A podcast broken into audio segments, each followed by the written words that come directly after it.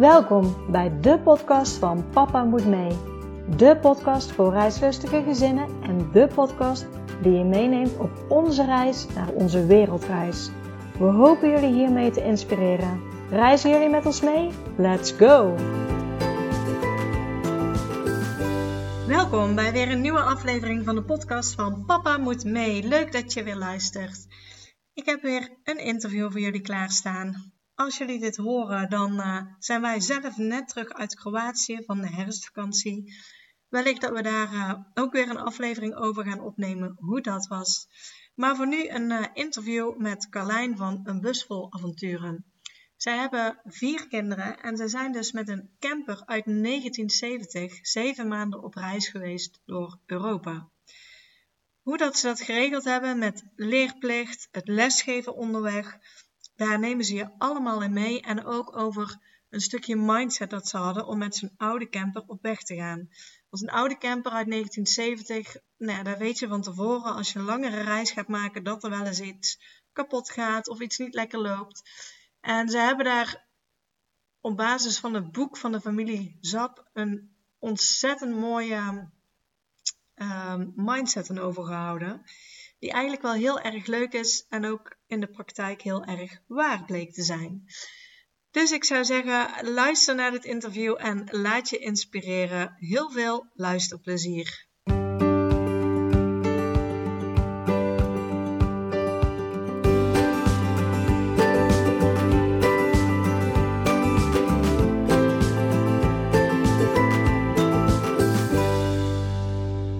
Hoi Carlijn, welkom bij de podcast van Papa Moet Mee. Hoi, leuk om hier te zijn. Ja, nou ja, altijd de eerste vraag. Zou jij jezelf en jouw gezin kunnen voorstellen aan de luisteraar? Ja, um, ik ben Carlijn Drescher. Ik kom uit uh, Enschede.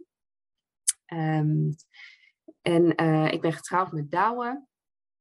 En uh, wij hebben vier kinderen. Sophie is de oudste, die wordt bijna elf. En dan Tobias is acht. Pepijn die is net zes geworden. En Olivier is twee. Nou, vol gezin inderdaad uh, ja? jullie. Leuk. Hier heel levendig. Ja. Um, nou, jullie hebben, zijn natuurlijk voor langere tijd op, op reis geweest. Maar ik ben dan altijd benieuwd, waren jullie altijd al heel reislustig? Ja, eigenlijk... Nou ja, niet, dat is eigenlijk verschillend voor ons alle twee. Uh, ik ben echt heel reislustig. Ik ben zelfs opgegroeid in het buitenland uh, voor een groot deel. Dus voor mij is het... Ik heb niet heel hele vaste roots of zo in Nederland. Ik ben gewend om veel te verhuizen, veel nieuwe plekken te ontdekken. Dus ik ben echt wel heel reislustig. Um, voor, voor Douwe is dat heel anders. Die woont nog steeds, nou nu niet meer dus, hè, maar toen ik hem ontmoette woonde hij nog in het huis waar hij was geboren. Um, en veel verder dan uh, fietsvakanties richting de eilanden in Nederland ging het niet uh, in zijn jeugd. Dus het was wel echt anders. Maar hij is wel ja, met mij daarin mee enthousiast geworden. Um, toen we uh, elkaar leren kennen en samen reisjes gingen maken. Um, en ook voor zijn werk moest hij wel her en der op reis. Toen was het niet zo heel ingewikkeld om hem daarmee aan te steken, zeg maar. Toen was hij heel snel ook uh, enthousiast. Ja, en toen kwamen er natuurlijk kinderen. Ja, toen kwamen de kinderen. Um, best wel jong. Wij zijn dus echt heel jong samen. Uh, vanuit onze, echt van de middelbare school. en we waren ook nog relatief jong toen Sophie kwam. Maar eigenlijk, ja, ik heb er nooit over nagedacht om dan, niet, om dan te stoppen met reizen of zo. Mijn ouders die woonden toen nog in het buitenland, dus wij als kinderen niet meer, maar mijn ouders nog wel. En ja, wij zijn heel vlot. Volgens mij was ze 2,5 maand of zo. Toen zijn we al met haar in het vliegtuig gestapt om mijn ouders te bezoeken. En dat hebben we eigenlijk ja, al door wel gedaan. Na Nigeria ook nog. Dus dat is niet een land wat je meteen aan denkt om naartoe te reizen, überhaupt voor een vakantie of zo. Er zitten best wel wat haken en ogen aan. Hè. Het is niet het meest veilige land, dus er zitten echt wel, uh, ja, er zijn dingen waar je rekening mee moet houden. Maar ja, eigenlijk, ik denk heel erg altijd in ja, mogelijkheden. Dus dan, ik zie altijd wel een manier waarop het kan. Ik ben nooit bang of zo dat het niet kan, of oh jee, of dat gaat straks niet goed. Ik denk gewoon, nou, gaan we gewoon doen en dan tackelen we wel wat we onderweg tegenkomen. Ja, dus eigenlijk ook al kwamen er kinderen, veranderde eigenlijk niet zoveel in jullie uh, reispatroon. Nee, behalve dan dat hoe meer kinderen er kwamen, hoe duurder het reizen werd. Ja. en ik vond het wel echt een verschil vanaf dat Sofie naar school ging. En dan dat eerste jaar valt nog wel mee, hè, maar als ze vijf worden en leerplichtig, ja, dan is het wel echt. Vanaf toen zijn we wel echt minder gaan reizen. Uh, of in de vakanties, maar dat waren juist niet altijd de momenten dat we handig naar mijn ouders toe konden, want dan kwamen ze ook vaak naar Nederland toe. Uh, dus toen ging wel het, uh, ja, de, de frequentie omlaag van hoe vaak we reisden. Ja, maar dan meer door de beperking eigenlijk van de leerplicht, dat je gebonden ja. bent aan de vakanties. Ja, ja, precies. Ja. Ja, en wanneer kwam dan voor, bij jullie voor het eerst sprake van we willen wel eens voor langere tijd weg samen? Ja, dat is eigenlijk echt al heel lang geleden al begonnen. Ik denk zeker al een jaar of uh, zeven, acht geleden. Ik denk dat het samenviel een beetje met de minder vrijheid voelen, omdat ze uh, uh, leerplichtig, het eerste kind leerplichtig was. En dat dat een beetje ja, wrong bij ons. Dat we echt dachten, nou, dit, dit, willen we eigenlijk helemaal niet zo. Dat we heel erg in het keurslijf zitten en die vrijheid niet hebben. En we willen graag reizen, maar het is zo beperkt. En dan moet je in de vakanties, dan zit je in het hoogseizoen. Uh, daar houden we helemaal niet van. Dus toen is het eigenlijk al een beetje gaan, uh, ja, gaan sudderen. God, zou eigenlijk wel leuk zijn, een lange reis. Uh, toen ben ik ook langzaamaan wat gaan zoeken daarover. Met wat, wat families gevolgd die toen op reis waren. Nou, dat is altijd heel inspirerend. Dus dan krijg je ook allemaal ideeën en denk je, oh wat gaaf, dit willen we ook wel.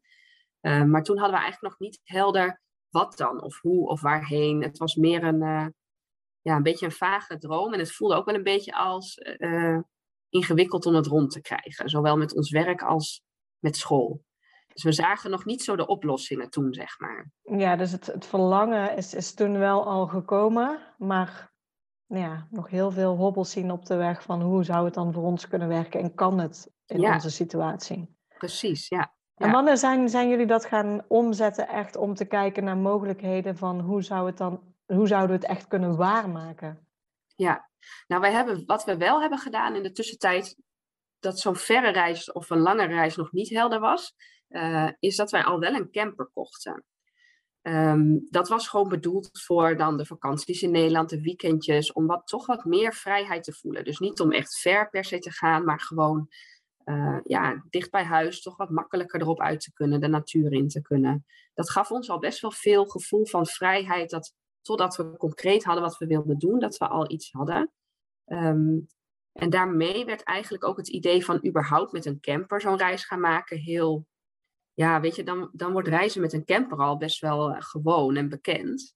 Eh, dus die camper die hebben we inmiddels ruim vijf jaar. En ehm, ik denk dat eh, ongeveer, moet ik eventjes goed denken, want we hebben een jaar voordat we op reis gingen echt de knoop doorgehakt. Dus ik denk dat het een half jaar daarvoor ongeveer echt begon te. ehm, dus dat is bijna twee jaar geleden nu, dat we echt zeiden van nou, we moeten het nu echt concreet gaan maken. En dat had vooral ook te maken met, eh, hè, je, je blijft altijd dingen verzinnen waarom het niet kan. Eh, maar Sophie die, zit, die is van dit jaar begonnen in groep 8. Dus twee jaar geleden dacht ik echt, ja, maar als we willen gaan, het duurt even voordat je alles rond hebt en weg bent. Ehm, en ik wil niet haar in groep 8 van school halen. Dat wou ze zelf ook niet. Eh, dus dan moet het in groep 7. Dus dan is het volgend schooljaar. Dus, dan, dus zo voelde het een beetje als een soort. Het voelde ineens alsof er ook wel een beetje druk achter zat om het wel ook echt te gaan doen. Omdat anders het nog ingewikkelder zou worden. Ja, een beetje nu of nooit. Ja, ja. Ja, en door die druk zijn jullie gaan kijken dan van hoe kunnen we het dan echt eh, realiseren? Ja, ja, en er zijn wel al in die jaren daartussen, tussen ons eerste verlangen, maar dat we dachten, oh, dit wordt heel ingewikkeld. En waar we op dat moment stonden, waren er al wel dingen veranderd die het al makkelijker maakten. Ehm, want we zijn allebei gewisseld van baan in de tussentijd. En we hebben daarmee een baan waar we veel makkelijker eh, onbetaald verlof zouden kunnen opnemen. Eerder werkte ik in het ziekenhuis als verpleegkundige. Ja, dat is echt, dan heb je überhaupt vier weken vakantie in het hele jaar. Ehm, en dan mag je ook nog eens vaak niet meer dan twee weken achtereen opnemen. En onbetaald verlof is ook heel ingewikkeld om dan rond te krijgen. Dus het was zo eh, een organisatie waarin bijna geen meedenken mogelijk was op dat gebied. Dan had ik eigenlijk ontslag moeten nemen. Ehm, en nu hebben we allebei een werkgever waarbij veel meer mogelijk is. Dus dat maakte al wel dat het ook voelde alsof het haalbaar was. Ehm, En de camperreis hadden we vrij vlot dat we met een camper wilden gaan. Ja, weet je, het was toen ook nog, toen we de knoop doorhakten, zaten we nog een beetje midden in corona. Dus dan voelde ook wel met een camper in Europa wel ehm, veilig genoeg. En met uh, de niet zo grote kansen dat er al van alles hè, gecanceld wordt of zo. Want er was toen natuurlijk nog heel veel met vliegreizen dat het ineens niet meer kon of een land toch dicht. Of, nou ja, dus dat vonden we dan jammer, dat we alles zouden voorbereiden en dan ineens niet, iets niet door kon gaan. Dus we dachten gewoon, ja, dan gaan we gewoon met de camper in Europa. Ja, dus zo langzaamaan begon toch al in, in de jaren daarvoor, ja, bijna stiekem een beetje die voorbereiding. Dus, dus hè, de, de, de banen werden ja, beter passend bij, bij jullie verlangen. Uh, de camper was inmiddels aangeschaft en dus een mooie optie om, uh, om, om mee weg te gaan. Wanneer zijn jullie echt in gesprek gegaan met jullie werkgevers? Dat hebben we gedaan. Um, zeg, vlak voor de zomervakantie.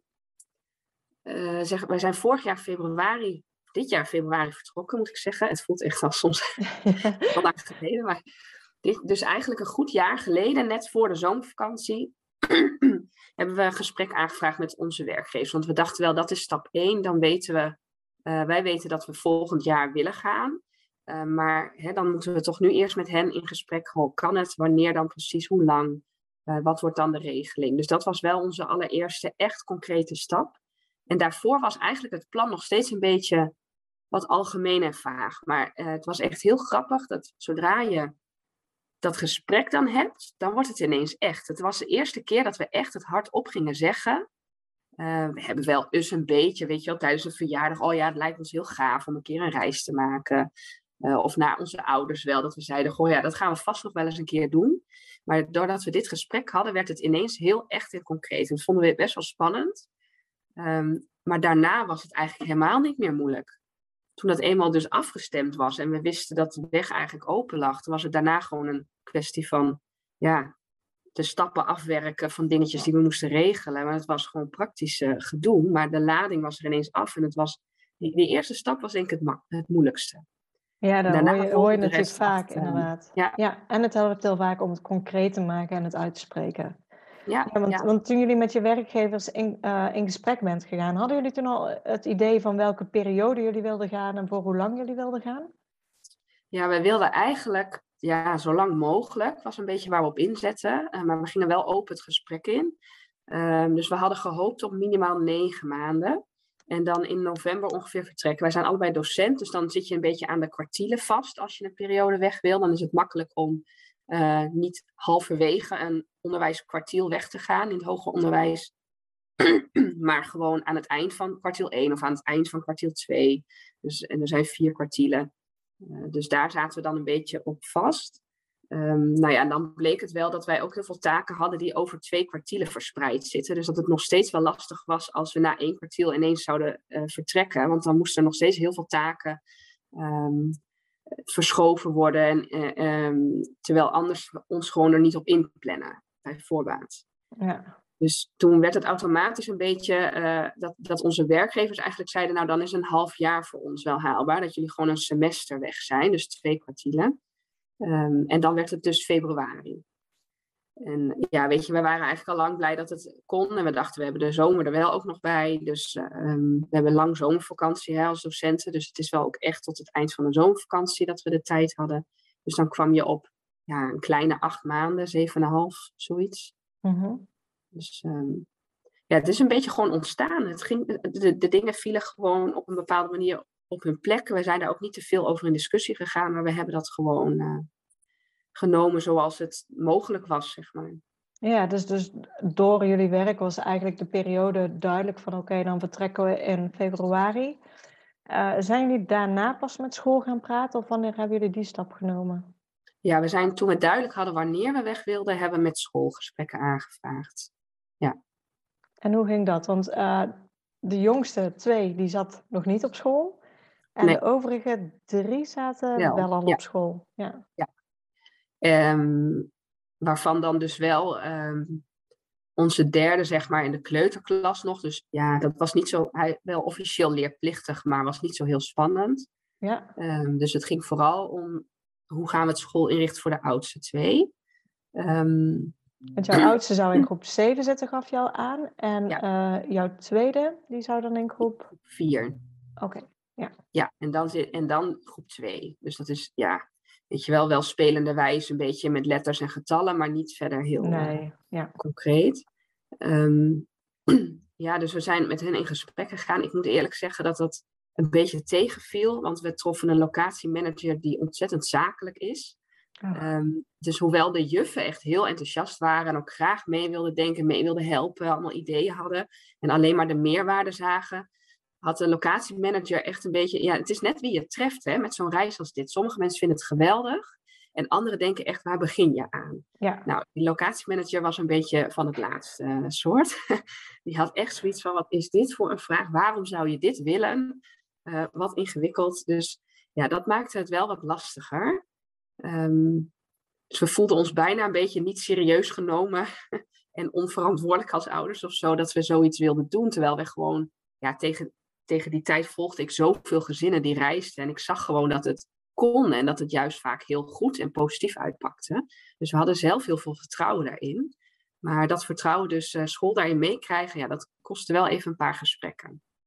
Ja, ja lastig dan inderdaad. Als, ja, als niet meteen enthousiast zijn natuurlijk. Ja. Hoe, uh, hoe hebben jullie dat, dat aangepakt met, met de leerplicht uiteindelijk? Want nou ja, hij was in het begin al niet enthousiast. Hebben jullie ook meteen aangegeven van we gaan ons dan uitschrijven? Of hoe hebben jullie het uiteindelijk gedaan? Ja, want ze kwamen meteen eigenlijk met, uh, goh, we gaan even overleggen met de leerplichtambtenaar, uh, wat dan handig is. En ik dacht, ja, dat, dat is allemaal uh, een gespeelde kaart. Dat wist ik al lang van het volgende van die andere gezinnen, dat dat niks ging opleveren. Dus toen hebben we meteen gezegd van, goh, nou de bedoeling is dat wij ons gewoon uitschrijven. Um, en dan heb, is dus eigenlijk gewoon verder met de leerplicht niks aan de hand.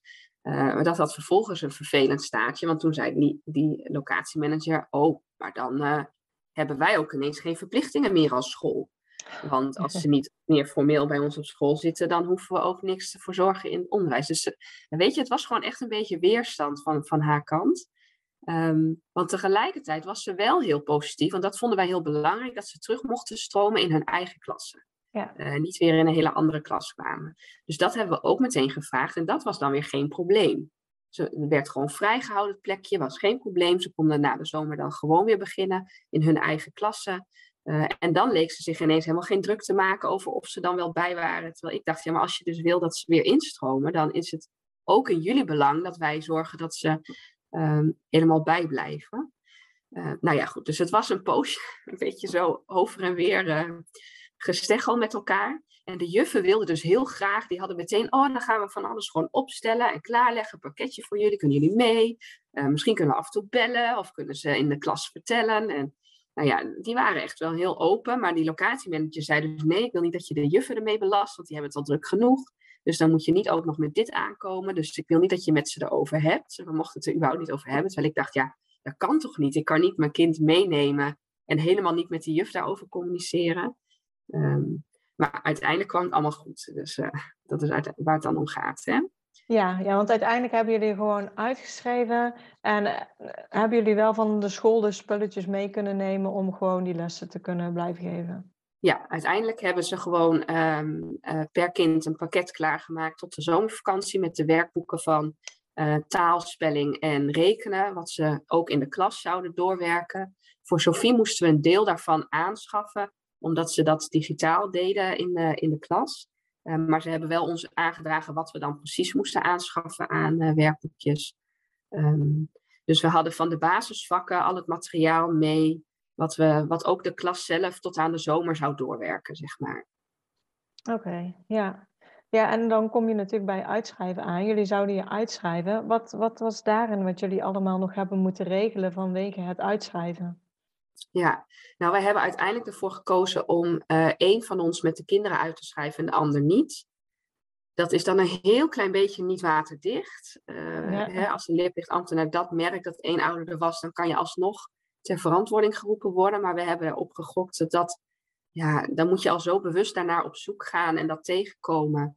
Um, dus we hebben erop gegokt dat dat wel losloopt. Nou, tot zover is dat ook uh, zo. Uh, maar dat scheelde heel veel, want dan heb je qua uh, verzekeringen voor het huis, voor de camper enzovoort, schil, ja, hoef je een heleboel niet meer te regelen. Als je allemaal uitschrijft, moet de camper op iemand anders zijn naam staan. Um, heb je daar heel veel gedoe mee. En nu kon dus heel veel blijven zoals het was. Um, en dan moesten we wel de zorgverzekering moet je dan aanvragen, maar dat kan pas als je vertrokken bent. Uh, maar als je korter, dat was het voordeel dat we maar een half jaar gingen. Als je korter dan acht maanden weg bent, dan blijft heel veel doorlopen. Dus dan kan je je zorgverzekering gewoon aanhouden. Um, en andere verzekeringen. Dus dat scheelde in ons geval heel veel geregeld uiteindelijk, dat we wat korter gingen. Ja, want, want als ik het nu zo hoor, kon in feite eigenlijk alles gewoon door blijven gaan. Ik weet, bij een campverzekering is het altijd heel lastig als iedereen uitgeschreven is. Dus dan is het fijn als één iemand nog ingeschreven is. En zowel zorgverzekering en andere verzekeringen nou ja, was het in feite gewoon aangeven, we zijn voornemens binnen acht maanden terug te komen. Dus ja. Uh, meer, ja, het is dan meer even contact ja, opnemen. Het, precies, ja. ja. Allemaal ja, dat je soort moet dingen. er wel even achteraan mailen en bellen. En dat is wel, iedere keer dat je iemand van een verzekering aan de telefoon hebt, dan zijn ze wel een beetje van slag. Want zo'n situatie is er niet zo vaak. Dat mensen een paar maanden gaan. Dus dan, oh ja, nee, eigenlijk geen idee hoe dat werkt. Moet ik even uitzoeken. En dan de volgende keer bel je en heb je iemand anders aan de telefoon die ook weer denkt, oh jee, uh, nee, dit ken ik eigenlijk niet, deze situatie. Dat moet ik even uitzoeken. Dus het is wel, je moet wel een beetje geduld hebben. Uh, op ja. tijd beginnen en geduld hebben. Maar wij zijn echt heel op tijd begonnen met deze dingetjes bij langs gaan. Waardoor we ook gewoon ja, steeds van ons lijstje wat konden afvinken. En we niet vlak van tevoren nog hele hoge druk hadden of zo.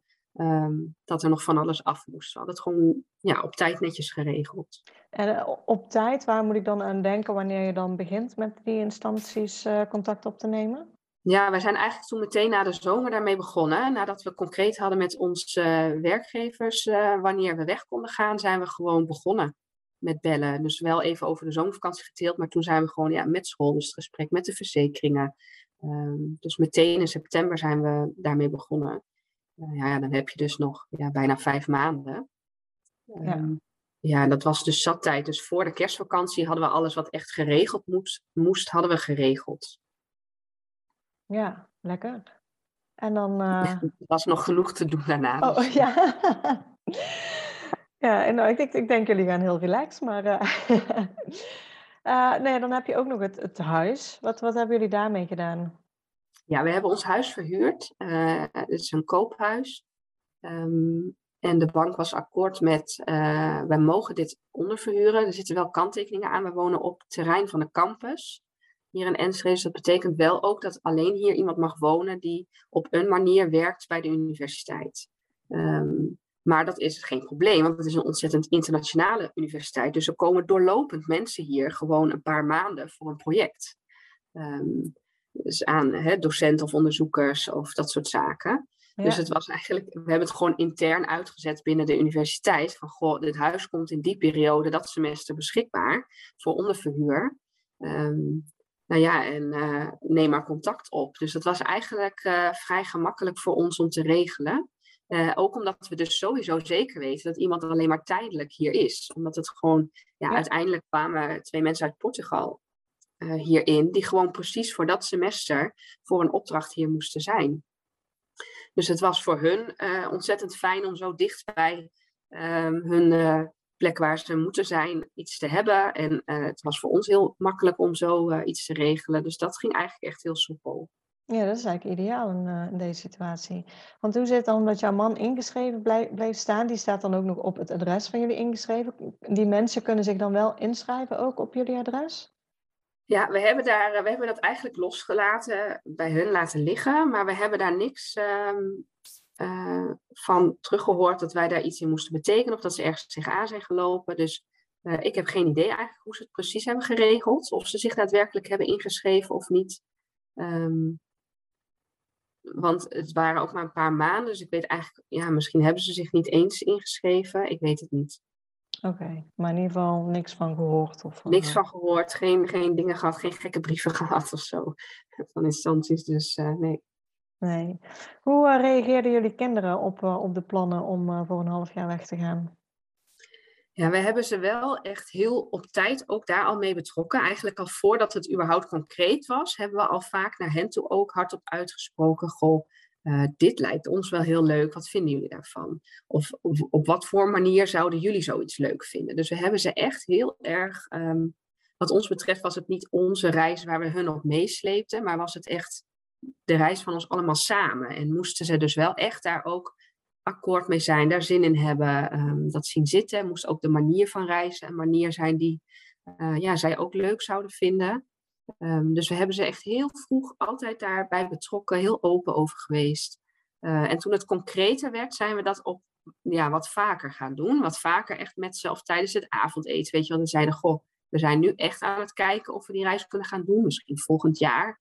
Uh, wat vinden jullie daarvan? En nou, zo hebben we ze er steeds in meegenomen. En ook dus dat ze ideeën konden aandragen. Wat ze dan leuk zouden vinden. Landen die ze zouden willen bezoeken. Um, onze oudste die is heel avontuurlijk ingesteld sowieso van zichzelf. Uh, dus die vindt altijd alles leuk. Die vindt altijd alle ideeën die we hebben leuk. Alle uitjes die we doen. Die zegt, oh nou, kom maar op. Wanneer gaan we? dus, uh, dus, dat was vrij makkelijk. Uh, ze had wel een beetje zoiets van, hmm, ja, vrienden, vriendinnen, wel... maar haar beste vriendinnetje was toch net daarvoor verhuisd. Um, helemaal naar de andere kant van het land. Dus dat, weet je, dat, dat was voor haar denk ik het grootste struikelblok geweest als die er wel was. Maar die was nu toch al net weg. Ja. Uh, en ze heeft ook wel andere goede vriendinnen en zo. Maar dit was, uh, ja, dat is dan toch iets anders dan echt je hele dikke beste vriendin.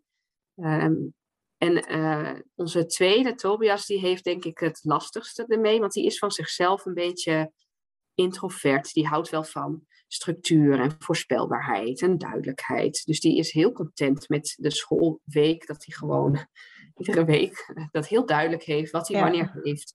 Uh, dus die had bij het idee van zoiets gaan doen, wel echt zoiets van, uh, oh jee, nou ik weet niet, en uh, ik wil wel op school werken dan, ik wil niet, en mijn vriendjes missen. Die, die, vond, die vindt het gewoon lastig om daarin te schakelen. maar hij was wel ook, het was niet dat hij zei, ik wil niet gaan. Het was meer dat hij zei: Oké, ik vind het ook wel een beetje spannend. En hoe ziet het er dan uit? En, en wat vind ik dan leuk? Dat vindt hij dan. Ja, dat, dus hij vond het wel iets lastiger om te schakelen daarin. Oké. Okay. En de rest, ja, weet je, die twee die. Uh, die zijn nog zo jong, ja. die zien nog alles als een uh, groot feest. Dus die doen gewoon. Die hobbelen gewoon erachteraan. Ja. Ja, en nou ja, jullie hadden natuurlijk al, al een camper. Dus uh, het idee was natuurlijk van dan gaan we ook met de camper uh, door Europa. Uh, nou ja, zes personen in een camper is behoorlijk veel natuurlijk. Hoe, hoe doen jullie dat? Ja, nou ja, die camper, dat is nog wel even ons twijfelpunt geweest. Want ik weet niet of je dat hebt gezien, maar onze camper is dus een heel oud mintgroen busje uit 1970. Ja, ik vind hem heel leuk. Ja. ja, hij is heel leuk. Uh, maar hij is dus 52 jaar oud, dus daar heeft ook kanttekeningen. Ja. Uh, dus we zien er heel schattig uit. Uh, maar het is echt wel een doorlopend project om hem rijdend te houden op de weg. Inmiddels, nu na vijf jaar, kan Douwe daar heel veel zelf in. Dat heeft hij dus niet ooit een opleiding in gehad of zo, maar hij heeft het gewoon door de jaren heen, als er klussen waren, door daarin mee te doen actief, heeft hij heel veel geleerd over hoe, nou ja, specifiek deze camper en motor in elkaar zit. Um, en, dus hij kan heel veel zelf. Maar nog steeds dachten we wel, oké, we hebben wel een camper, maar durven we dit dan aan? Durven we dan met deze oude camper te gaan? Um, van binnen was hij wel, we hebben hem helemaal zelf ingebouwd tijdens de eerste corona-lockdown. Uh, want we hadden toen, uh, toen is Olivier geboren, dus toen moest er een slaapplek bij. dus toen zijn we begonnen met een bed creëren. Nou ja, en als je dan begint met één ding aanpassen, slopen, dan denk je, oh, maar dan moet dit eigenlijk ook anders en dan moet dat eigenlijk, nou dus puntje bij paaltje hebben we die hele camper van binnen leeggehaald en opnieuw opgebouwd door de maanden heen. Dus van binnen was die wel echt heel efficiënt, een beetje volgens de tiny house principes ingericht. We kunnen daar met zes in rijden, um, met gordels ook. En, uh, en we konden dus met gemak met zes slapen. We hadden genoeg opbergruimte, ook voor zo'n langere reis. Dus van binnen dachten we wel, nou, dit is wel, um, dit is wel echt ons huisje. En hier kunnen we wel echt heel goed mee op pad. Um, maar technisch gezien hebben we getwijfeld. En wat een beetje de doorslag gaf, is dat ik het boek heb gelezen van de Zep Family. Die ken je misschien wel. Ja. Die hebben dus met die auto uit 1928 gereden. Um, in dat voorjaar dat we ons echt, dat we de plannen concreter aan het maken waren en ook met onze werkgevers in gesprek gingen, heb ik dat boek van hun gelezen, Spark Your Dream. En uh, zij begonnen dus heel erg onvoorbereid met die auto. Ze hadden hem net twee maanden. Dat ding had jaren stilgestaan, was helemaal niet onderhouden of in goede staat. Dus ze zijn gewoon gaan rijden. En uh, het is heel inspirerend om te lezen hoe zij omgingen steeds met als er pech was op de weg of als ze een tegenslag hadden omdat die, uh, ergens iets niet werkte. En al die keren dat ze met pech kwamen te staan, gebeurde er iets moois. Hadden ze een hele bijzondere ontmoeting of bleken ze precies op de goede plek te zijn voor iets. Of... Dus dat was eigenlijk toen ik dat boek las dat ik dacht, hé, hey, maar zo kan je het ook bekijken. En als zij dit kunnen met hun auto uit 1928, dan kunnen wij ook wel met onze camper uit 1970, die in principe goed onderhouden is. Uh, en waarvan we weten dat hij rijdt. Dus uh, uh, dat gaf ons eigenlijk dat we ja, durfde te gaan met deze oude camper. Um, wel dus met dat we erop rekenden, dat gaat niet zes maanden een vloeiende reis worden. Hij gaat wel een keer pech krijgen. We moeten onderdelen van tevoren meenemen. Um, nou ja, dus we, hebben daar wel uh, naar gekeken. Um, maar om dan op jouw vraag terug te komen, hè, met zes in die camper. Nou, qua slapen en rijden is dus geen probleem. Spullen lukt ook goed. Uh, we hadden de eerste maanden heel slecht weer. Ja, dan is het wel, het is niet een camper waar je uitgebreid met elkaar binnen van alles aankeuvelend doet of zo. Dan is die wel snel krap met zes mensen. Uh, dus dat met dat slechte weer was wel, ja, soms eventjes afzien en zoeken naar plekken met ook een binnenruimte, zodat we een beetje een alternatief ook hadden om onze leefruimte ja, uit te breiden. Um, het is een hele basic camper. We hebben ook niet een uitgebreide badkamer of douche erin zitten. Er zit alleen maar een hele simpele toilet in. Um, we, hebben, uh, we kunnen maar weinig water in één keer mee, want er zit geen grote watertank of zo uh, in. We kunnen wel toevoegen aan de onderkant, maar dan wordt die zwaarder. We hebben niet zoveel vermogen, dus weet je wel, dat heeft ja. ook zijn nadelen. Um, dus dat is, ik denk eigenlijk dat de ruimte, naarmate het weer goed werd, ja, dan leef je zoveel buiten, dan was het eigenlijk helemaal niet meer een punt.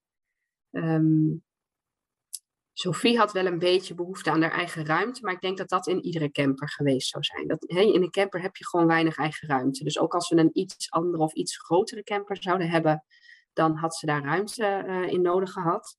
Dat hebben we opgelost door gaandeweg een tentje te kopen. Uh, en als we op een plek stonden waar we een tentje konden opzetten, hè, dat kan niet altijd natuurlijk, want sommige camperplaatsen, als je een nachtje of zo bent, ja, daar kan je niet kamperen verder.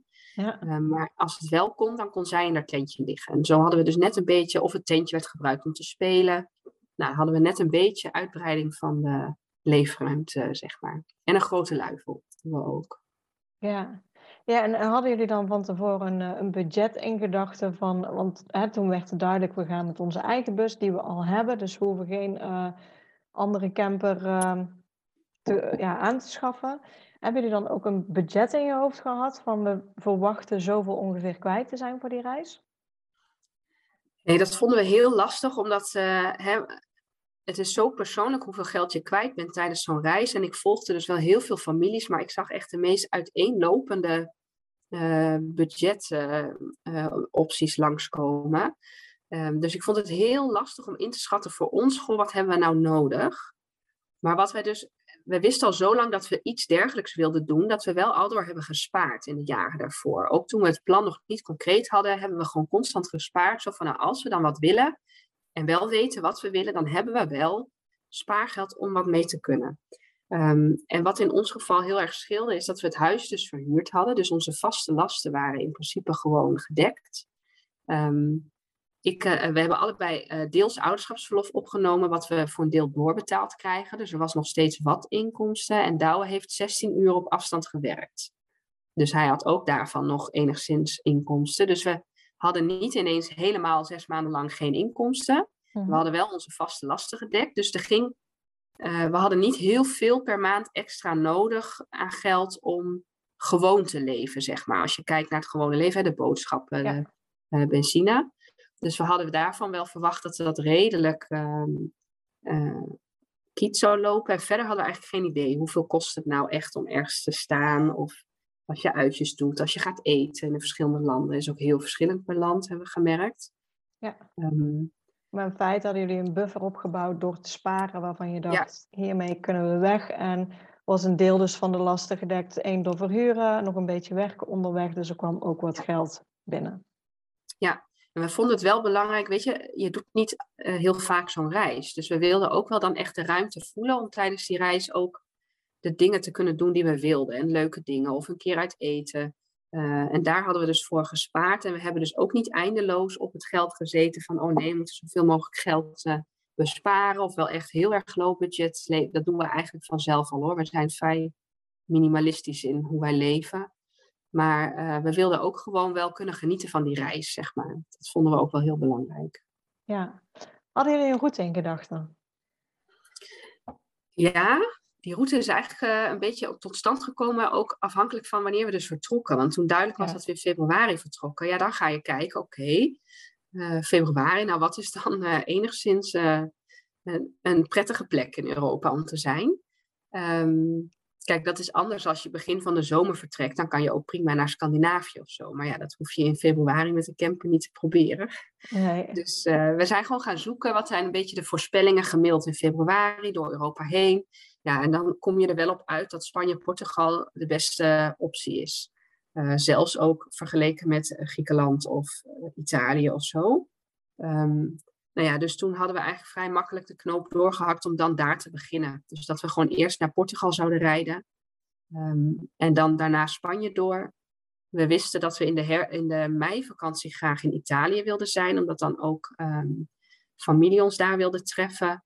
En um, we hebben Italiaanse vrienden hier die in de meivakantie daar zouden zijn. En het leek ons heel leuk om een keer hun, uh, ja, hun ouders, die, kennen we al wel van hier in Nederland, maar om ze ook op hun eigen plek zeg maar, te zien. Hun ouderlijk huis, hun, hun dorp, zeg maar, waar ze zijn opgegroeid. Dus we wilden in een meivakantie graag in Italië zijn. En uh, ja, daarna stond het een beetje open. We hebben nog getwijfeld over Marokko om dat mee te pakken. Maar uiteindelijk was de grens nog dicht toen wij ter hoogte waren van waar je dan de oversteek uh, zou maken. Dus ja, dat werd een beetje voor ons besloten. Um, en uh, er waren wat gezinnen voor ons uit aan het reizen. Uh, die overgestoken zijn naar de Balkan. En dan, ja, door hun te volgen dachten wij, ja, dan, dat willen we ook. Dus het vormde zich zo gaandeweg, zeg maar. Ja, dus ook nu niet alles stond vast. Gewoon het begin was inderdaad kijken naar het weer. En in onze wintermaanden, ja, ik denk dat dan de meeste inderdaad naar uh, Zuid-Spanje en Portugal gaan. Ja, nou ja, de spoiler alert voor ons was wel dat we daar dus geen goed weer kregen. dat het het natste voorjaar was in jaren. ja. Spanje en Portugal, maar goed. ja. Hoe, hoe, hebben jullie onderweg gereisd? Want uh, de reis stond redelijk open. Hebben jullie gebruik gemaakt van, van de apps? Hebben jullie veel wild gestaan of ook campings opgezocht? Ja, we hebben het eigenlijk um, wel een beetje afgewisseld. Wij kunnen niet zo heel veel kilometers maken, want we gaan dus uh, als het ber bergaf mee, dan, dan, kunnen we 90, maar daar houdt het wel mee op. Um, we dachten ook uh, dat we toen Noord-Portugal kwamen, dat was best wel bergachtig gebied, want daar zit die, uh, uh, dat natuurgebied. En toen dachten we, oh, als we straks in Zuid-Portugal zijn, dan is alles weer vlakker en dan kunnen we weer wat makkelijker rijden. Nou ja, uh, we waren een klein beetje naïef daarin. We waren ook nog niet zo heel vaak in Zuid-Europa geweest. En de realiteit is dat gewoon alles bergachtig is in heel Zuid-Europa. Maakt niet uit waar je heen gaat. Uh, dus we kunnen niet zo heel hard kilometers maken. Dus we rijden korte stukjes per keer. Um, en we hebben gezocht onder andere op Park for Night app natuurlijk. Ik had ook al wat plekjes opgeslagen staan van dus gezinnen die ik had gevolgd. En ik had echt overal vlaggetjes in mijn uh, uh, Google Maps staan van dingen die ik al de maanden voor de reis al had opgeslagen. Ook leuke uitjes en zo en plekken om te bezoeken. maar ook dus plekken om te overnachten. En we hebben heel erg wel gezocht naar ja, niet de grote massale plekken, maar wat meer de kleinschalige uh, persoonlijk contact, uh, een, een beetje een wooncommunity of op een boerderij. Of um, we zijn wel een beetje geïnteresseerd in permacultuur. Dus we dachten, nou, als we ergens staan waar je dan een klein beetje daarover mee kan pikken, vinden we dat leuk. Maar eigenlijk een beetje de unieke plekjes. Um, dus daar heb ik dan wel op gezocht binnen die apps. Oké, en dat ging allemaal goed. Er was meestal plek en uh, jullie konden overal terecht. Grotendeels wel. Uh, we hebben in de Algarve wel echt moeite gehad met de enorme hoeveelheid pensionado's die daar staan. Waardoor we echt een paar keer gewoon ja, vier plekken verder waren en s'avonds in het donker pas ergens parkeerden, omdat gewoon alles vol stond met grote witte campers en mensen die de hele dag binnen zitten. Dat vonden we wel een beetje frustrerend. Dat je dus dan als gezin, als je zo'n reis maakt, eigenlijk nergens meer terecht kan, omdat het gewoon zo vol is. Ehm, ja, en daar houden we dus überhaupt niet zo van. Dus dan bepaalde dat ook de reis, dat we dan dus wat sneller doortrokken en naar een gebied gingen waar we dat niet meer troffen. Um, en voor de rest ging het eigenlijk allemaal prima. We hebben ook wild gestaan wel.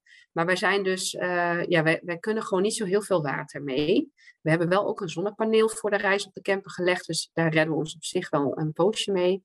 Uh, maar we kunnen niet dagen ergens op een mooie plek staan. Twee nachten was vaak wel de max. En dan moesten we minstens zorgen dat we weer water konden vullen. Ja. Um, ja, dus dan krijg je wat meer dat het gewoon zich wat afwisselt. Campings hebben we wel grotendeels vermeden, ook omdat het met zes personen al snel duur wordt, als je ook per, voor ieder kind moet betalen. Ja. Um, dus we hebben wel ook op campings gestaan, maar niet zoveel. En we hebben het laatste stuk van onze reis wel last gehad van het hoogseizoen. Dat was wel echt. Uh, dus in de Balkan hebben we best wel veel wind, uh, wild gestaan, of bij een restaurant, of dat was echt heel relaxed. En toen kwamen we in Kroatië en toen was het inmiddels uh, juli.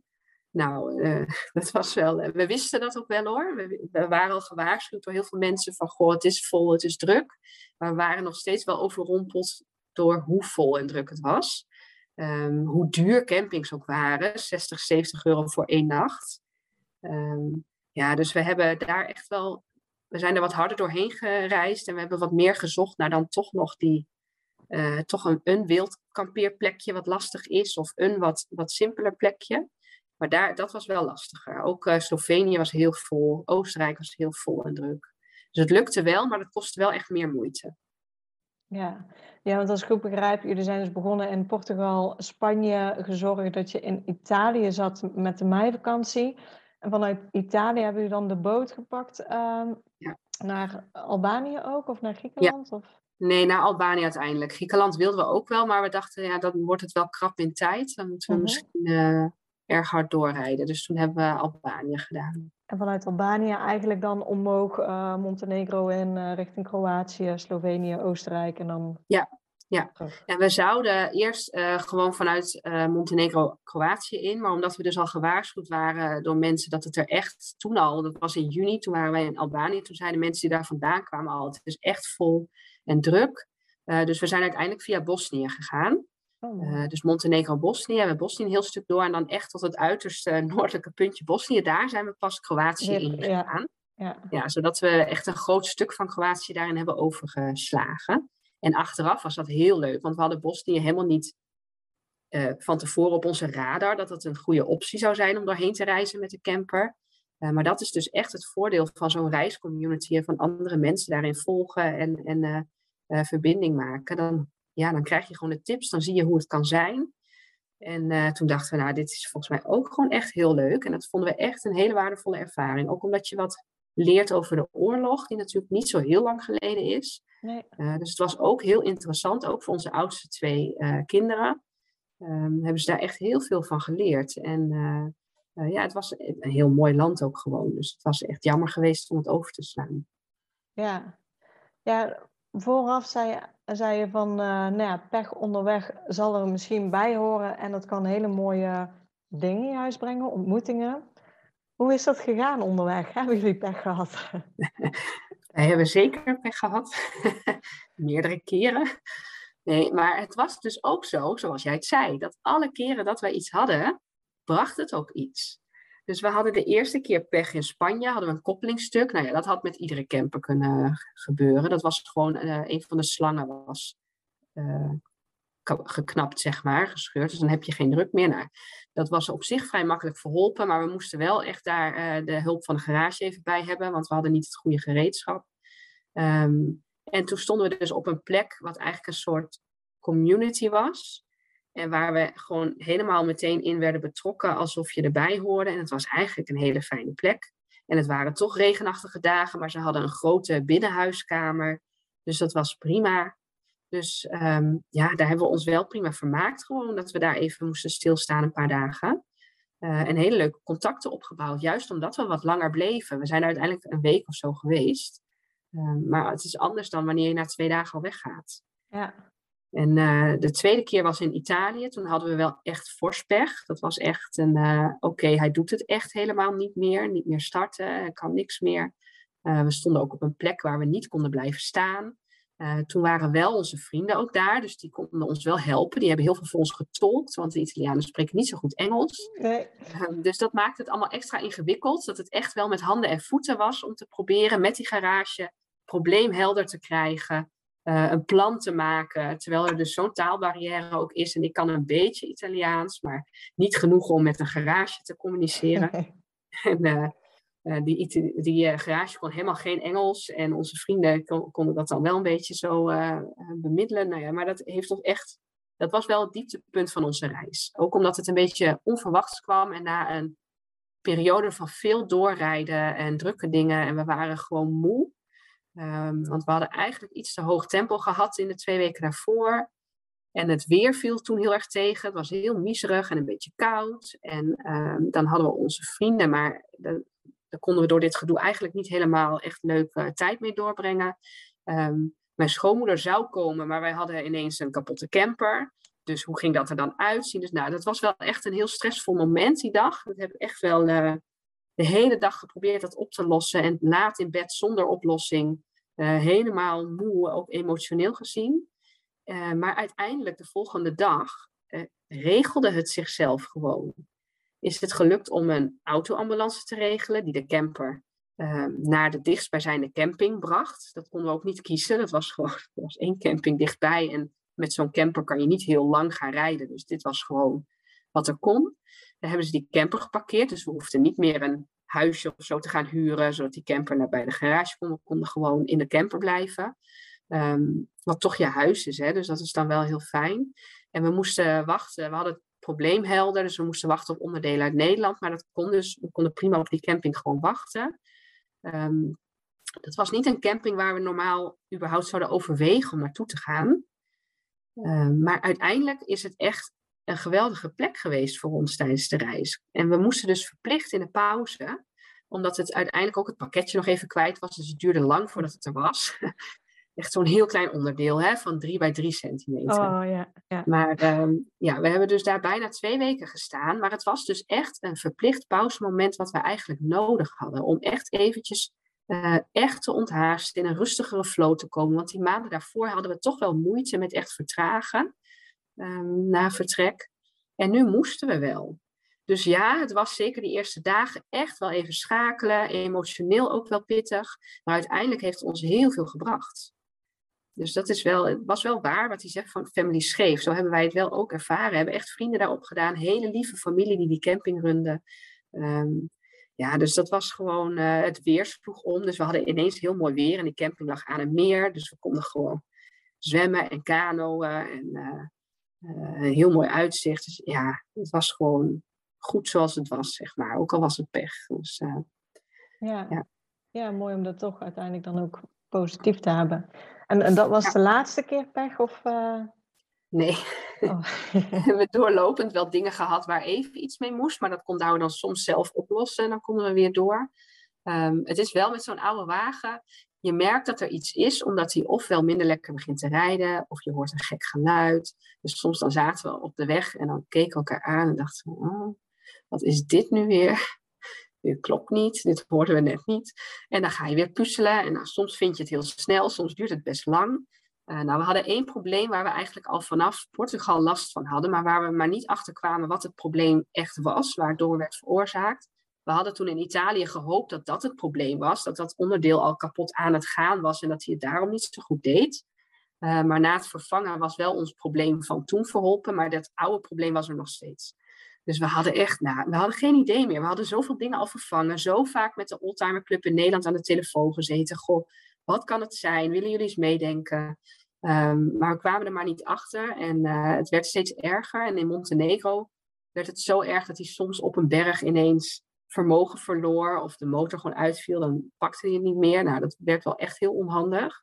Ook omdat het heel onvoorspelbaar kwam. Het was niet zo standaard als je omhoog reed of zo. Maar het kon zo zijn dat hij een paar dagen geen problemen had en dat hij dan ineens heel moeilijk uh, reed. Dus het was een beetje onvoorspelbaar, was ook lastig om dan mee te dealen. maar we hebben dus in Montenegro ook contact gezocht met uh, een oldtimerclub daar. Want dat heb ik ook gelezen. En dat boek, wat, dat deden zij heel vaak, die Zep Family. Bij gewone garages kan je met de auto als dit eigenlijk gewoon niet terecht. Want ze weten niet hoe het in elkaar zit. Dus ze zeggen eigenlijk gewoon, we kunnen je niet helpen.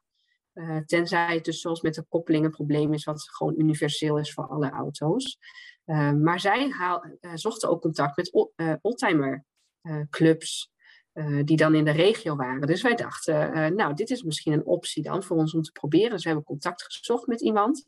Meteen heel leuk, over en weer contact daarin en overleg en kom maar langs. Dus we zijn daar naartoe gereden in Podgorica, uh, naar die garage. Nou, de garage was echt meer een één kleine mini-garage met allemaal hele oude autootjes die dan naar buiten stonden op een soort bedrijventerreintje midden in een woonwijkje. Dat was echt een heel grappig plekje. En dan één man die daar dan uh, werkt en auto's restaureert. En uh, nou ja, die heeft ons geholpen met uh, een brandstofpomp vervangen en, en dingetjes weer wat anders afstellen. Um, nou, echt heel leuk. En deed, deed hij gewoon, we hebben alleen de onderdelen betaald. Verder deed hij het gewoon omdat hij ons graag wilde helpen. En heel enthousiast was om zo'n unieke auto een keer onder handen te hebben. dus dat was echt wel heel leuk. Uh, maar vervolgens stonden we dus, toen we bij hem weggereden, een half uur later met pech aan de snelweg, stil, bergop. Um, dat was echt niet zo uh, fraai. Um, de auto deed niks meer, hij reed niet. Um, maar dat was dus een heel grappig verhaal, want vervolgens stopte er een auto voor ons, wat dus de beste vriend bleek te zijn van de oldtimer man, zeg maar, van die club. Um, die had een foto op de WhatsApp gekregen van zijn vriend eerder die middag. Van kijk eens wat een leuke auto ik nu mag uh, doen. En die had onze camper dus herkend toen wij daar stil stonden. Omdat hij dus op de WhatsApp een foto had gehad. Ja, en dat precies hij daar langs kwam. Toen wij daar, nou, je verzint het gewoon niet, hè? Maar hij is dus gestopt. Hij heeft ons naar een parkeerhaven gesleept, zodat we in ieder geval veilig stonden. Uh, en hij heeft dus zijn vriend gebeld, die er meteen aankwam. Uh, we hebben uiteindelijk wel echt drie uur lang in de hitte, want het was 35 graden bijna, langs die snelweg gestaan voordat ze uiteindelijk de oude brandstofpomp terug hebben geplaatst. Um, en we daarmee verder konden rijden. Maar daar was dus het probleem nog niet mee opgelost wat we hadden. Maar hij reed in ieder geval wel weer. Maar het, ja, dat, het is dus ook weer zo'n. Weet je, het was niet. Uh, het is, sommige mensen zouden het heel erg vinden als je dus op die manier pech krijgt. Maar het is wel ook weer een heel uniek verhaal. En die vriend was ook weer super vriendelijk en die had allemaal uh, uh, koeken in zijn auto, wat hij aan de kinderen gaf. En um, ja, het was gewoon wel een heel mooi verhaal. En ze zijn zo ontzettend behulpzaam geweest. Dat, ja, je maakt daar wel echt vrienden mee op die manier. Um, nou ja, dus uiteindelijk hebben we onderdelen laten opsturen naar Bosnië. En um, uh, hebben we daar het uiteindelijk zelf vervangen door onderdelen, met onderdelen die uit Nederland kwamen die wel goed pasten. Uh, dus het was wel een beetje spannend, halen we dat, die plek waar we naartoe hebben gestuurd. Maar dat ging dus goed. Uh, en de, daarna was het opgelost. Dus, oh, kijk. Ja, maar dat ja, is wel, ja, zo'n oude auto is sowieso verbindend gewoon tijdens het rijden. Het is anders dan een gewone camper. Ja, ja denk ik ook wel. En, en natuurlijk best, her, hij is ook heel herkenbaar om te zien ja, dan merk je wel als je langs snelweg staat dat ze hem dan ook herkennen. Ja, dus uh, ja. ja. dat is ook altijd leuk. Ja. Welke, welke landen waren nou voor jullie echt heel verrassend? Dat jullie, nou ja, je noemde Bosnië net al op, uh, maar dat je zegt van nou, dat was ontzettend fijn om doorheen te reizen voor ons. Ja, ik denk uh, Albanië, Montenegro, Bosnië. Dat we daar wel het meest hebben genoten. Juist omdat het ook nog niet zo toeristisch is. Dus het is heel het voelt echt nog een beetje vrij en avontuurlijk. En dat, dat past ons dus wel. We houden niet zo van uh, hele drukke plekken of uh, hele toeristische plekken. We gaan ook niet zo echt naar toeristische uitjes of zo. ja, daar voelen we ons niet zo heel happy. Dus dit was voor ons echt ja, gewoon prachtige, intense natuur. Uh, wel genoeg andere reizigers ook om mee te verbinden. Want dat is wel voor ons wat de reis uiteindelijk echt belangrijk maakte. De andere mensen die je ontmoet. Maar die waren er ook genoeg. Uh, maar dan zie je ook dat waar in Spanje en Portugal heel veel pensionado's met enorme witte campers met uh, tv-schotels staan, tref je in Albanië vooral mensen, ook oudere stellen, die gewoon met een auto met daktent aan het reizen zijn. Dus je, het is gewoon een ander type mensen. Ja. Um, en, dat, en het is wel dan een type mensen wat ons, uh, ja, waar wij het goed mee kunnen vinden, zeg maar. Wat, wat, wat, waar we gewoon een klik mee hebben. Um, ook vanuit eerdere reizen van ons is gewoon de manier waarop zij dan reizen. Dat we denken, oh ja, dit is geweldig. En ja, dan, dan heb je zulke leuke contacten. Maar de natuur en ja, de mensen, ja, dat is wel echt, ik denk dat de Balkan voor ons wel uh, uh, het meeste moeite waard was. Ja, mooi. Hoe uh, ging het lesgeven onderweg? Want jouw dochter zat natuurlijk in groep 7. Dat is, ik, nou, er wordt altijd gezegd, een heel belangrijk jaar. hoe was dat? Wat zal ik daar eens over zeggen? nee, weet je, de werkboekjes die we mee hadden, dat riep wel weerstand op. Um, niet altijd, maar wel vaak. Uh, en ik snap het ook wel. Nu ik dat een half jaar met ze, heb, ze daarin heb begeleid, samen daarin door hebben gewerkt. Het is echt een beetje geestdodend gewoon. Er staan gewoon fouten in. Dat ik echt dacht, nou, hoe kan dit nou in een basisschoolboek? Dit gaan ze toch met tien man gewoon checken en dan haal je zo'n fout er toch uit. Maar meerdere fouten in één werkboek. Um, en dat is gewoon een methode die op heel veel scholen wordt gebruikt. Dus het is ook niet iets heel nieuws of zo. Maar het was wel, um, uh, ja, ze hadden daar niet altijd zin in. Dus we hebben echt een beetje gezocht naar een ritme daarin. Is het nou het beste meteen na het ontbijt? Um, of moeten we ze een beetje het zelf laten kiezen?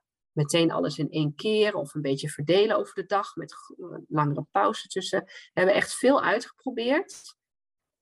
Um, uiteindelijk pakte Sofie het best wel goed op. Die had na een poosje wel in de gaten, oké, ik kan hier heel moeilijk over doen of ik kan er gewoon aan gaan zitten en dan is het klaar. Uh, dus die is echt wel, dat zien we ook nu, nu ze in groep 8 is gestart, vergeleken ook met een aantal uh, klasgenootjes.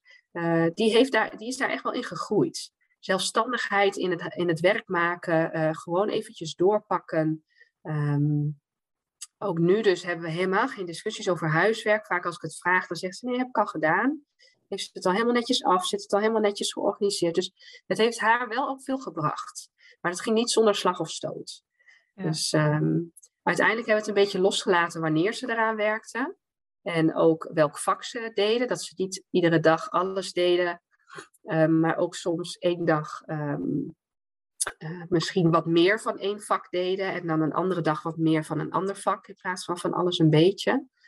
Um, nou ja, dus uh, ja, het ging niet makkelijk, maar uh, het ging. Ja. Ze hebben het doorgewerkt. Met Tobias was het nog veel lastiger, want die kan zich heel moeilijk concentreren. Die vindt echt in de kleinste mier die loopt afleiding om niet aan zijn werk te zitten. Um, dus daar hebben we ook wel geprobeerd met een koptelefoon op. Of uh, echt met hem op een hele andere plek gaan zitten. Uh, nou, het ging wel echt met hangen en wurgen. Hij kon echt wel twee uur doen over één bladzijde. En dan moesten de andere twee boekjes nog, weet je wel. Dus dan dacht je echt, weet je, Nina. Uh, dus dat, ja, dat ging wel moeizaam. Uh, we hebben uiteindelijk geprobeerd het ook op een wat creatievere manier te leren. En toch merk ik wel dat, um, ondanks dat het een beetje moeizaam ging, we ook wel wat dingetjes hebben overgeslagen. Omdat je wel wat je wel doet, één op één doet, blijft dat wel hangen. Dus als we met die tafels met hem aan de slag gingen, die zitten er wel redelijk goed in.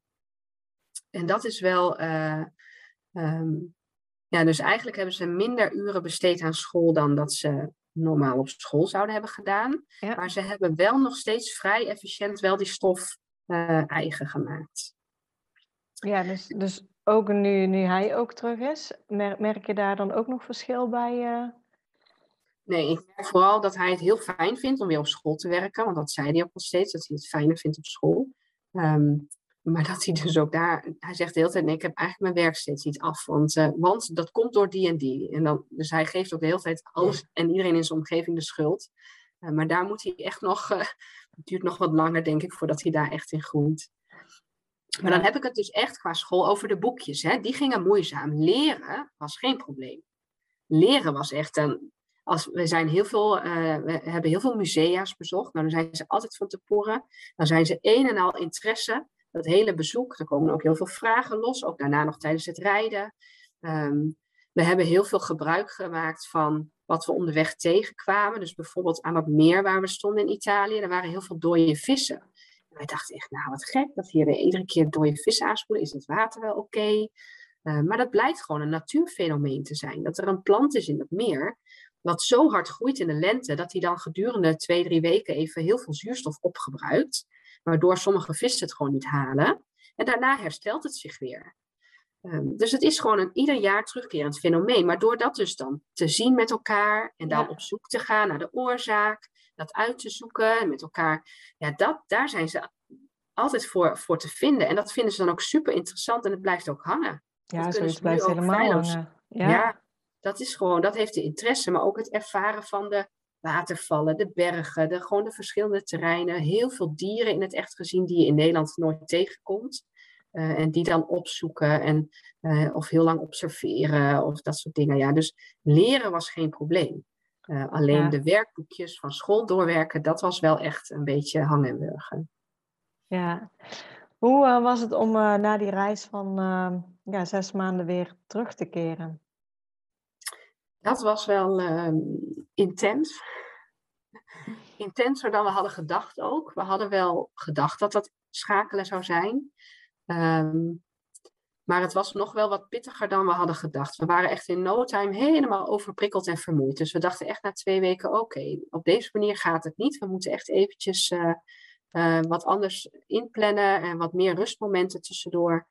Uh, maar de hoeveelheid mensen die je weer ziet. We hebben ook superveel verjaardagen in augustus van de, van de familie.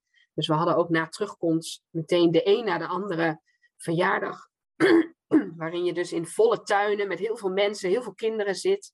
Uh, nou, dat was echt wel een beetje heftig na, uh, na reizen en uh, zo lang weinig prikkels.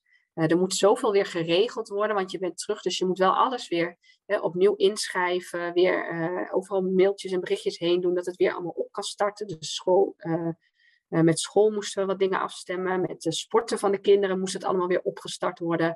Dus er was al heel veel wat op ons afkwam, wat we meteen weer moesten regelen. Dan moet die camper leeg uh, en schoon en al die spullen moeten een plek krijgen. Omdat we het huis verhuurden, hadden we ook een deel van onze kasten uitgepakt in dozen en bij onze ouders gezet. Dus die spullen kwamen allemaal terug, die moesten weer een plek krijgen. Uh, we vonden sowieso dat we veel te veel spullen hadden. Dus we waren echt overweldigd door het huis. En we waren meteen als een soort tornado kasten aan het opruimen. Spullen weg aan het doen. Uh, dus het was heel veel tegelijk. Het was echt heel veel tegelijk. Dus dat vonden we echt wel heftig. Ik denk dat we wel een maand nodig hebben gehad. We zijn nu ja, ander, goede anderhalve maand zeg maar, thuis. ik denk dat we de eerste maand echt wel nodig hebben gehad om een beetje weer te landen. En nu hebben we weer um, ja, ik heb het ook op mijn Instagram gedeeld, maar uh, Loesje heeft zo'n poster waarop staat: het ritme zit er weer in, nu de melodie nog. En, uh, nou, het ritme hebben we weer goed te pakken. En nu zijn we nog wel een beetje, nog steeds wel zoekende naar, ja, zo'n reis verandert je gewoon. Je krijgt andere inzichten, je gaat anders kijken naar je dagelijks leven. Ja. Dus sommige dingen willen we ook niet meer, dat, het, dat we daaraan wennen of dat het gewoon wordt zoals het was. Maar dat willen we ook weer ehm, ja, anders aanpakken. Maar hoe dan is wel ja, in deze maatschappij is dan wel echt zoeken en uitproberen. Ja, ja snap ik. Hoeveel heeft jullie reis ongeveer uiteindelijk uh, gekost? Um, ja, de totale, dat weet ik niet, moet ik zeggen. Maar we hadden dus heel veel gespaard. En daar hebben we bijna allemaal nog over. We hebben echt maar heel weinig van het spaargeld hoeven gebruiken. Uh, dus we hadden een redelijk goede balans in wat we nog aan inkomsten hadden en wat eruit ging uh, per maand. Um, we hebben gemiddeld voor 20 euro per nacht gestaan. Uh, Als je het over het, het, geheel heen trekt. En dan hebben we dus deels wild gekampeerd gratis gestaan. Maar aan het eind van de reis is het best wel wat omhoog geschroefd. Omdat we toen ja, echt wel wat duurdere plekken ook troffen. En we hebben wel wat geprobeerd wild te staan ook toen. Maar dat kan gewoon moeilijker vanaf Kroatië, want daar mag het heel vaak officieel niet. Um, nou ja, dus dan, dan met 60 euro per nacht camping schiet je gemiddelde wel omhoog. Ja. maar dat is een beetje, denk ik, 15 tot 20 euro per nacht gemiddeld wat we kwijt zijn geweest. dat ha had goedkoper gekund als we meer zelfvoorzienend waren geweest. Dan hadden we vaker wild gestaan. Ja. Um, wij zijn niet zo heel vaak uit eten geweest, want we zijn met zes mensen.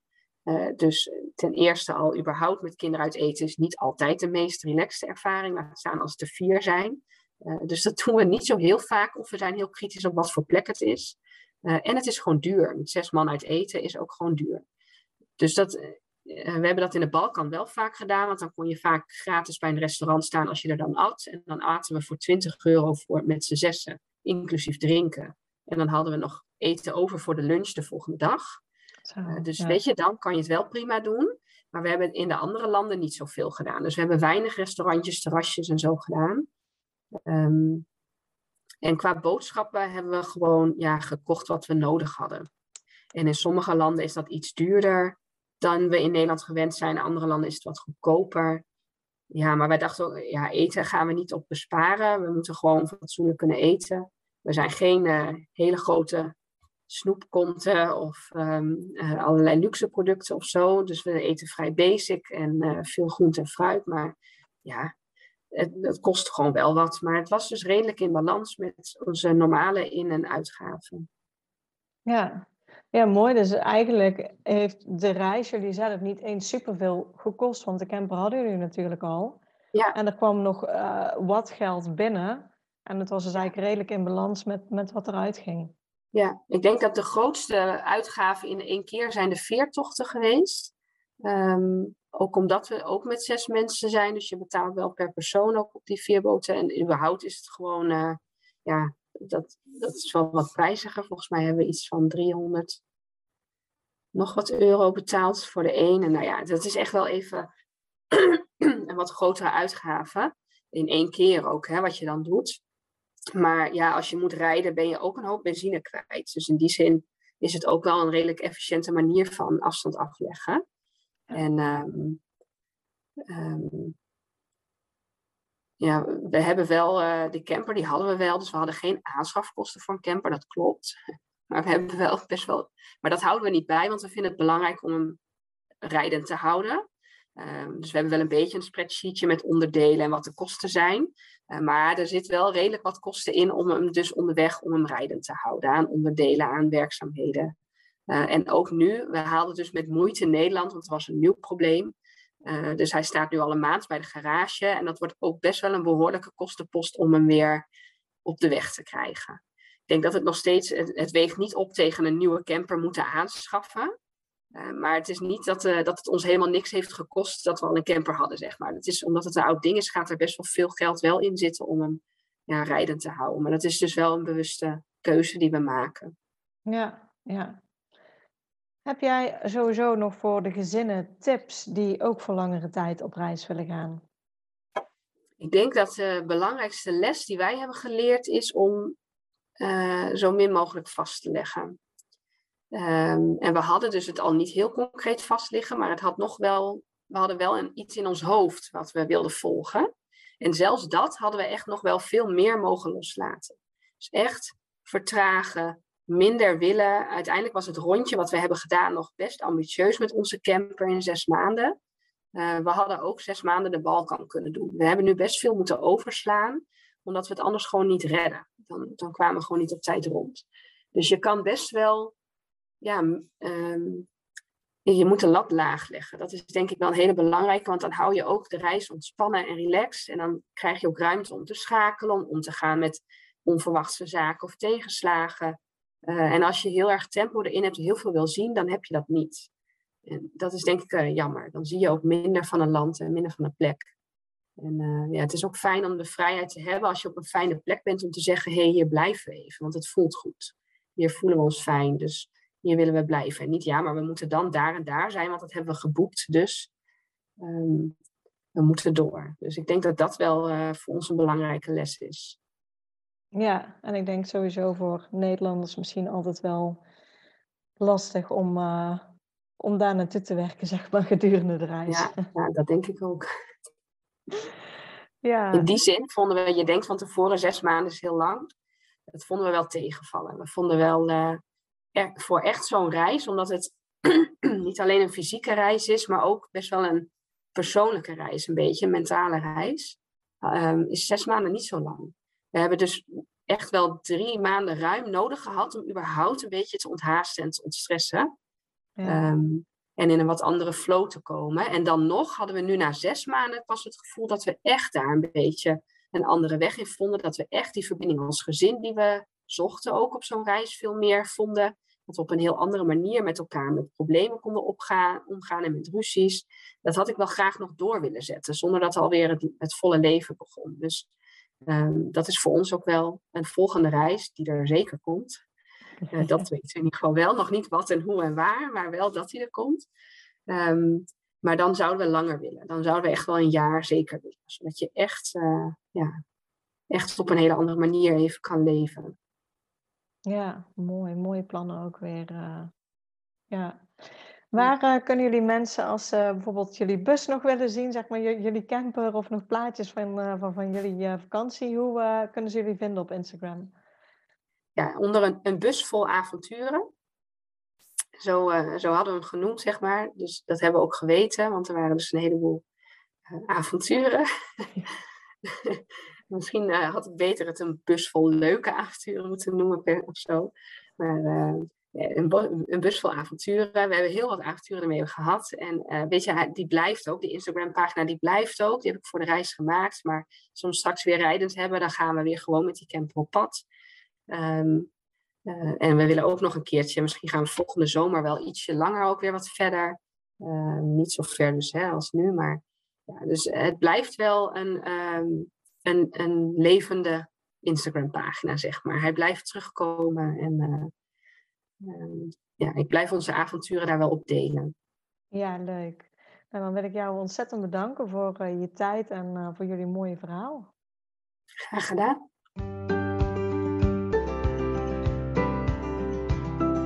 Super bedankt voor het luisteren naar deze podcast. Ik zou het heel leuk vinden als je ons volgt op Instagram. Papa moet mee. Deel deze vooral in je stories als je hebt geluisterd en tag ons en laat ons weten wat je ervan vond. Tot de volgende keer.